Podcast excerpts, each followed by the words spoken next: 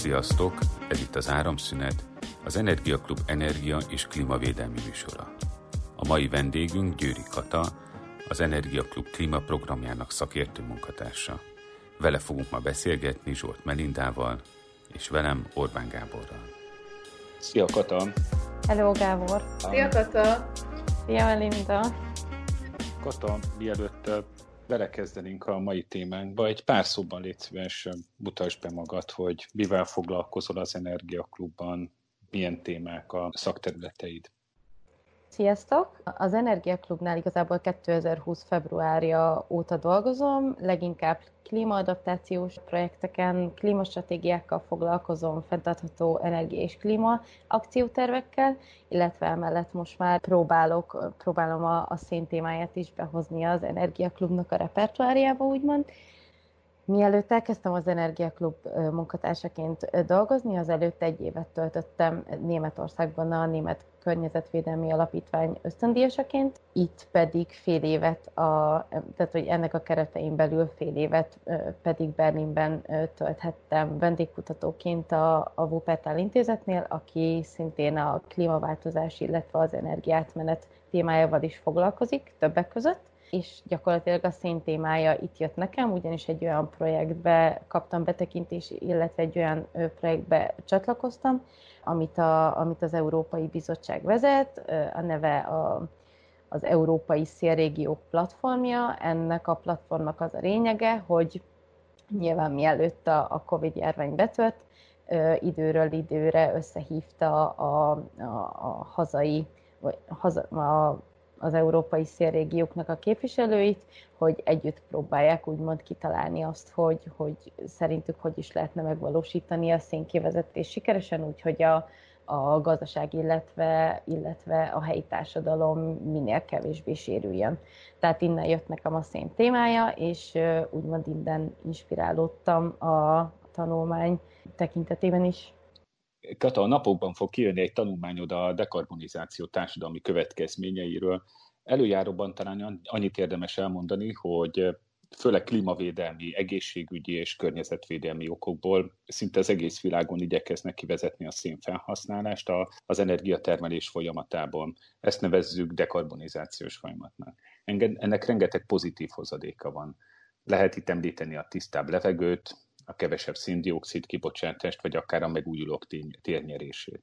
Azonban a társadalomra nézve, főleg ha bányászat által érintett mikrokörnyezetet nézzük, akkor súlyos lokális társadalmi hatása is lehetnek. Azonban erről viszonylag kevés szó esik. Kérlek, mesélj arról kicsit, hogy mikortól és kik foglalkoznak ezzel a problémával. Um, ugye, ahogy ez a természeti erőforrásoknál általánosan igaz, az igaz a szélre is, hogy annak előfordulása, illetve kitermelése és hasznosítása az nem egyenlően oszlik meg a különböző régiók, illetve az EU különböző tagországai között. És, és emiatt teljesen igaz, amit mondtál, hogy ez olyan társadalmi hatásokkal járhat regionális szinten, ami az EU egyes régiói között szintén nem egyenletesen oszlik meg. Az EU az utóbbi években deklarálta úgymond azt a, a mondását, hogy, hogy szeretné az energiátmenet folyamatát igazságosan végrehajtani, ami azt jelenti, hogy, hogy, az, hogy az energiátmenet folyamatában senkit sem szeretne hátrahagyni, és azokat a munkavállalókat, illetve foglalkoztatottakat sem, akik ö, esetünkben a szénszektornak a dolgozói, illetve a tanulmányunk esetében a szénszektor dolgozói, ugyanis csak is így valósulhat meg egy igazán igazságos energiátmenet az elkövetkezendő évtizedekben. Hogy kik is foglalkoznak ezzel a témával, az az EU-n belül egyre nagyobb figyelmet kap a, a szénkivezetés és társadalmi hatásainak témája. Az EU Kutatóközpontja, a Joint Research Center már számos ö, tanulmányt adott ki, elsősorban abban a témában, hogy a szénkivezetés hogyan is fog a, a szénszektor dolgozóira hatni, illetve hogy, hogy milyen lehetőségeik vannak a jövőben a más szektorokban történő újrafoglalkoztatásra. Össze tudnád azt foglalni röviden, hogy, hogy akkor mi is az oka annak, hogy ki kell vezetni a szenet?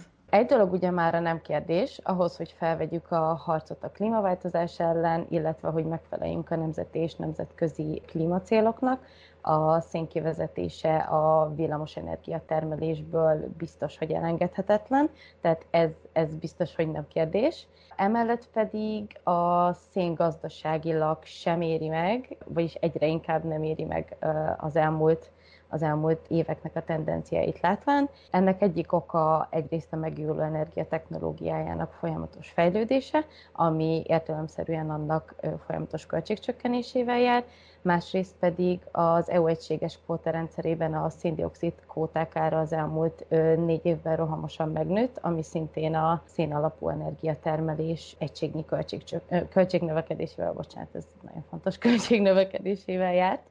Tehát, hogy folyamatosan láthatjuk, hogy az EU egyes tagországai, például a legutóbbi esetben Ausztria folyamatosan jelentik be utolsó szénbányáik vagy szénerőművük bezárását, ami mind nagyon szép és jó. Az egyetlen probléma az, hogy egyelőre azok a legambiciózusabb országok, akiknek a gazdasága és társadalma kevésbé függ a szénszektortól, viszont Például Németország gyakran kapja azt a kritikát, hogy 2038-ra kitűzött szénkivezetési dátuma nem elég ambiciózus, de még ők is sokkal előrébb járnak a folyamatban, mint például Lengyelország vagy Bulgária, ahol szintén hatalmas a szerepe a szénnek a villamos energiatermelésben, viszont itt még csak meg sem kezdtek komolyabb diskurzust a, a szénkivezetés esetleges dátumáról. És mi a helyzet Magyarországgal? Mi hogy állunk, főleg ilyen európai viszonylatban? Igen, csak hogy egy kicsit hazai kontextusba is tegyük ezt az egész témát. Ugye az Európai Unió Joint Research Center, bocsánat, erre nincsen egy nagyon jól bevált magyar fordítás egyelőre, 2018-ban megjelölt tanulmányában kijelölte azokat a régiókat, amelyek leginkább kitettek a szénkivezetésnek, ami itt a munkaerőpiacokat, illetve a gazdaságukat illeti. Ezeknek a régiók, e, ezer régiók szénerőművi 53 ezer főt foglalkoztatnak, szénbányai pedig 185 ezer főt. Itt Magyarország is megjelenik, Észak-Magyarországi régiójával. Ugye jelenleg Magyarországon már kizárólag egyetlen légnittüzelésű erőmű maradt működésben, ez a Mátrai erőmű. Az erőmű jelenleg is 2100 embert foglalkoztat közvetlenül, és az ellátási láncában pedig a vállalkozások további majdnem 5000 embert foglalkoztatnak tehát még mindig főleg járási, illetve helyi szinten nagyon jelentős foglalkoztatási, illetve gazdasági szereppel bír az erőmű a térségben, illetve az energiaellátásban, a villamos energiaellátásban is nagyon fontos szerepet játszik továbbra is a Mátrei erőmű, körülbelül 12-15%-át adja az évi villamos energiatermelésnek az erőmű. Hogy, hogy hogy is állunk a szénkivezetéssel kapcsolatban, ugye a Nemzeti Energia és Klímastratégia 2030 ra tette hazánkban a szénkivezetés dátumát, viszont azóta elhangzott a kormány részéről, hogy már 2025-ben várhatóan bezárnak az erőmű lignit blokkjai, és, és várhatóan gáztüzelésű blokkokra, illetve megújuló energiára fognak áttérni. Itt igazából ugye nem csak azokról az emberekről beszél, beszélünk, akik közvetlenül akár a bányákban, akár az erőművekben dolgoznak, hanem ezek olyan mikroközösségek, olyan települések, ahol gyakorlatilag az embereknek a döntő többsége vagy ezekben a gyárakban dolgozik, vagy bányákban dolgozik, vagy pedig az ehhez kapcsolódó szolgáltatás és háttér egyéb iparnak a részei, az az egy-egy mikrorégiót nagyon súlyosan tud érinteni, még akkor is, hogyha összességében kis számokról beszélünk.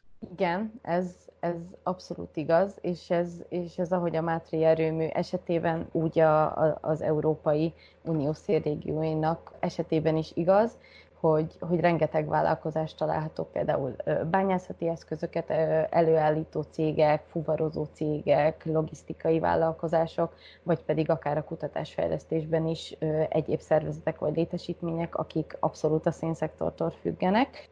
Nekik mindenképp kulcs lehet, vagyis kulcsfontosságú lehet az, hogy a szénkivezetés után hogyan szerveződik újra, újra a gazdaság, amennyiben ez úgy fog megtörténni, hogy az a helyi adottságokra alapoz, és a múlttól eltérően nem egy nagy foglalkoztatót vonz be, úgymond kívülről, a régión kívülről, akkor itt mindenképp kiemelt szerep fog jutni a helyi kis és középvállalkozásoknak, illetve ahhoz, hogy a szénszektor dolgozóit megvédjük, ez akár nekik is alternatívaként szolgálhat, hogy elindítsák saját vállalkozásukat, de ahogy mondtad, ez, ez abszolút igaz, hogy az ellátási láncban lévő cégeknek ez, ez, ez mindenképp a túlélés jelentheti, hogyha, hogyha ők is védelem alá kerülnek, úgymond az energiátvenes során.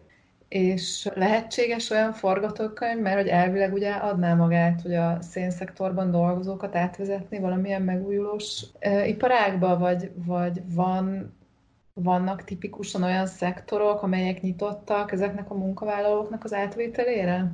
Az Európai Unió Joint Research Center megint megjelenik, erről is, er, erről is készített egy tanulmányt, és vizsgálta azt, hogy az EU régióiban milyen potenciál rejlik a, a, a megújuló energiaszektorban való mm, elhelyezkedésre. Tehát, hogy itt az volt az eredmény, hogy, hogy, ezek a régi, hogy ezekben a régiókban több százezer munka lehetőség kínálkozik a, a megújuló szektorban, tehát itt mindenképp hatalmas a potenciál.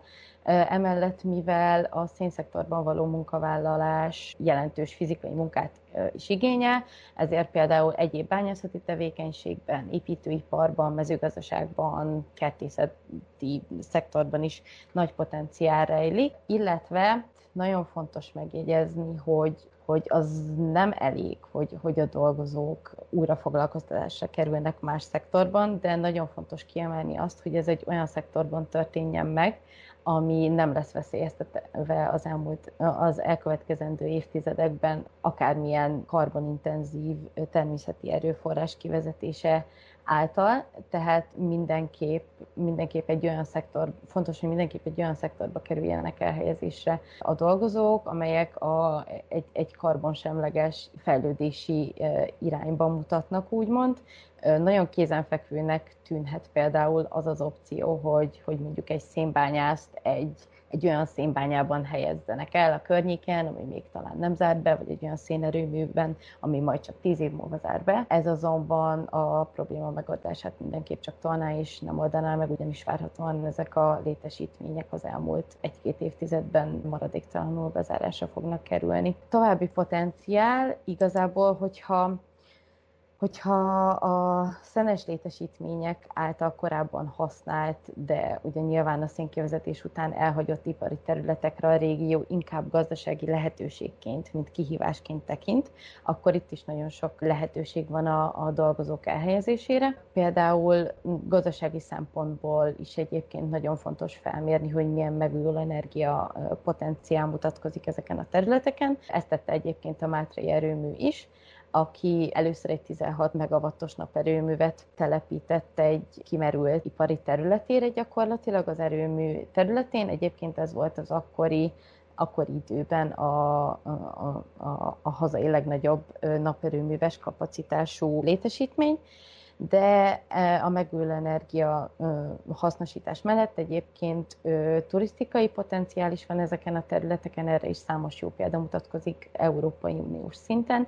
Például a lengyel Katowicében az úgynevezett Sziléziai Múzeumot hozták létre a volt szenes létesítmények helyén, és ezzel a régió gyakorlatilag meg tudta őrizni ipari arcolatát, és ezt turisztikailag ki is tudta úgymond aknázni. Emellett a németországi Brandenburgban pedig, pedig a külszíni fejtésű bányákat továllakították, köréjük rekreációs központot szerveztek, illetve létesítettek, és ez pedig tök jól megalapozta a térségnek a turisztikai fejlődését.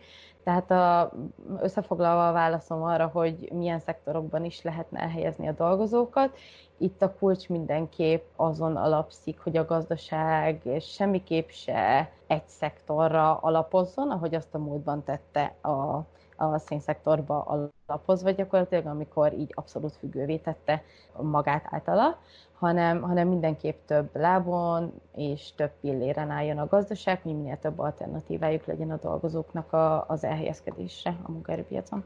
Alapvetően ez az átállás, amiről most meséltél, ez, ez több évet, vagy akár egy évtizedet is, illetve mindenképpen egy ilyen pénzügyi hátteret, illetve támogatást követel meg.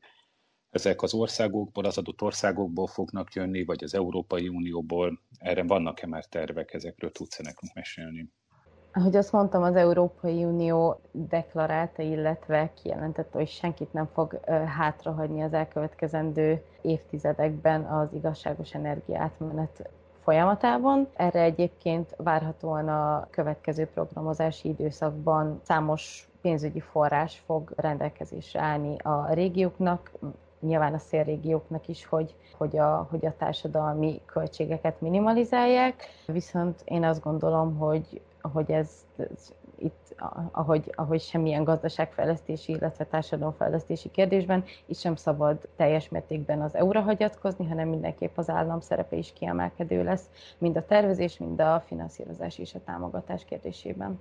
Már a Gábor itt korábban utalt a, a helyi közösségek szerepére, és hogy, és hogy a szén ugye egy nagyon meghatározó szerepet töltött be a, a lokális életben, és ez hogyan, hogyan lehet erre felkészülni, hogyan lehet ezt a változást megfelelően kommunikálni, vagy átadni az emberek felé, hogy, hogy át kell őket vezetni egy, egy más életbe, egy más munkavállalói létbe? Igen, ez abszolút igaz, amit mondtál. Ugye a szén a helyi közösségekben gyakran sokkal több, mint egy gazdasági vagy egy megélhetési elem az ehhez kapcsolódó kulturális kötődés és annak közösségépítő hatása igen jelentős ezekben a térségekben. Például elég csak itt a hazánkban akár a bányásznapokra gondol, gondolni, ami még továbbra is, továbbra is nagyon fontos szerepet játszik egyes régiókban. Ugye a szén az a gazdasági és az emberi erő, erő szimbóluma ezekben a régiókban, vagy ezeken a településekben. Szénbányásznak lenni mindenképp egyfajta úgymond státuszszimbólum, emiatt nagyon-nagyon nagy kihívás fog jelenteni az, hogy hogyan is alakítsák át a, a helyiek szélről alkotott úgymond idealizált képét, mivel ugye a helyiek számára az erőforrás sok-sok éven, évtizedeken át a folyamatos fejlődés, gazdasági növekedés és megélhetés jelentette, így, így mindenképp megoldásra vár az, hogy a helyiek elfogadják, hogy a természeti erőforrásnak az ideje lejárt, és mindenképp más gazdasági lehetőségek felé kell nyitni, mm. hogy a régió tovább fejlődhessen és itt meg fog jelenni, ahogy te is mondtad, a, a szemléletformálás kiemelkedő szerepe. Erre várhatóan nagyon nagy szükség lesz, ugyanis mindenképp meg kell értetni a helyiekkel a szénnek a járulékos költségeit, mind a gazdaságra, természetre, illetve egészségre nézve. Viszont ez nagyon fontos, hogy, hogy ez majd úgy történjen meg, hogy a, hogy a szélről alkotott, tehát hogy a szélről alkotott képet úgy változtassuk meg a helyiek fejében, hogy semmiképp sem érezzék úgy, hogy ők például a környezetkároknak bármilyen szinten is okozói, vagy a klímaváltozásban nekik bármilyen, rájuk bármilyen szerep is hárult. Illetve tehát, hogyha megnyerjük a helyieknek a támogatását, a szénkivezetés ügye mellett, az, az mindenképp egy kulcsfontosságú elem lehet, hogy, a, hogy utána a, a stratégia, illetve a, a gazdaság újraszervezése sikeres legyen. Illetve még azt is fontos megemlíteni, hogy, hogy ahol a szén megjelenik, mint fontos kulturális elem, ott mindenképp érdemes megfontolni azt, hogy hogyan, hogyan lehet azt akár turisztikailag vagy kulturálisan kiaknázni. Erre egy nagyon jó példa Észak-Franciaország, mm, Észak-Franciaországi Levádban egy, egy, egy bányászati múzeum. Itt az történt, hogy a, hogy a korábbi szenes létesítményekben létrehoztak egy múzeumot, és amellett, hogy ezzel ugye meg tudták őrizni a térségnek, illetve a településnek az ipari arculatát, ráadásul még korábbi szénbányászokat, illetve dolgozókat is el tudott helyezni itt a, itt a, a létesítmény. A, a korábbi szénbányászokat idegenvezetőként alkalmazták, illetve a mai nap mai napig alkalmazzák itt. Szóval ez szerintem egy tök érdekes, meg egy, meg egy nagyon jó dolog. Mi a legnagyobb kihívás a szénkivezetésben? A gyakorlati megvalósítása milyen akadályokba ütközhet, akár Magyarországon, akár az Unióban? Tehát a kihívások jellegét, illetve a szénkivezetés hatásait mindenképp érdemes ö, régiónként külön-külön vizsgálni, ugyanis nagyon, ez nagyon nagyban függ a, a helyi viszonyoktól. Mindenképp érdemes megnézni azt, hogy a, hogy a szénnek milyen szerepe van a hazai villamosenergiaellátásban, Például, hogyha Lengyelországot nézzük, ahol a szénalapú villamosenergia termelés még mindig nagyjából 80%-át adja a, az összhazai villamosenergia termelésnek. Itt mindenképp hatalmas kihívás fog jelenteni országos szinten, hogy ezt, ezt hogyan is pótolják a jövőben. Milyen más alternatív energiaforrásokkal. Emellett országos szinten 100, körülbelül 110 ember foglalkoztat a szénszektor Lengyelországban, tehát hogy ezek átképzi, ezeknek az embereknek az átképzése, más szektorokban való elhelyezése is országos szinten fog kihívást jelenteni. Ezzel szemben például, hogyha Magyarországot nézzük, ahogy mondtam, itt olyan 12-15%-át teszi ki a mátri erőmű a, a hazai villamosenergia termelésnek. Nyilván itt is nehéz nehézségek fognak támadni, hogy ezt hogy pótoljuk, milyen alternatívákat találjunk ennek a, ennek a, ennek a pótlására, illetve illetve más energiaforrásokra. Viszont a gazdasági, illetve a dolgozók részéről a kihívások inkább regionálisan, illetve helyi szinten fognak jelentkezni, ugyanis itt mindenképp meg kell oldani majd annak a több ezer dolgozónak az újrafoglalkoztatását, illetve elhelyezését a jövőben. Itt ugye a dolgozók számára majd mindenképp szükséges biztosítani az átképzésük alapját szolgáló oktatási lehetőségeket, illetve alternatívákat a munkaerőpiacon, illetve egy érdekesség egyébként még a szénszektor dolgozóival kapcsolatban, hogy így általánosságban igen magas átlag életkorral rendelkeznek, tehát mindenképp ezt is érdemes megnézni, hogy úgymond ki hány éves, mennyire áll közel a nyugdíjhoz, stb. Ugyanis egy, egy akár nem tudom, 45 éves munkaviszonyjal rendelkező szénbányásznak nem biztos, hogy a legoptimálisabb megoldás a nulláról egy, egy teljesen új szektorban való képzést újrakezdeni számokra inkább egy, egy, egy megoldási lehetőség lehet például a korai nyugdíjazás. Hogy akkor jól értem, hogy ez sok szereplő összefogásának az eredménye lehet, hogy ez az átmenet igazságosan megtörténjen?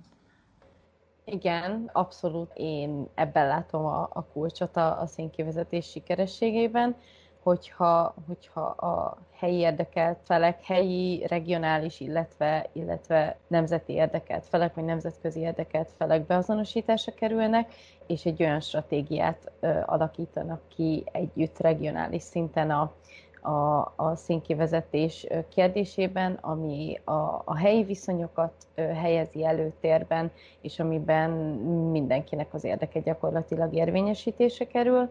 Az biztos, hogy, hogy ez egy fájdalmas átmenet, illetve átállás lesz regionális szinten a, hely, a helyi közösségeknek, azonban amennyiben erre az energiátmenetre inkább lehetőségként, mint kihívásként, illetve mint veszteségként tekint, tekintünk, az mindenképp egy új sikeres gazdasági fejlődésnek, illetve egy, egy, egy sikeres időszaknak a kezdete is lehet ezekben a régiókban. Köszönjük szépen, Kata, amiket elmondtál. Aki részletesebben is szeretne elmélyedni a szénkivezetés kérdéseiben, az a podcast leírásában megtalálja a Katának erről a témáról készült tanulmányát, illetve az összes csatornánkon is majd megtaláljátok ezt a tanulmányt.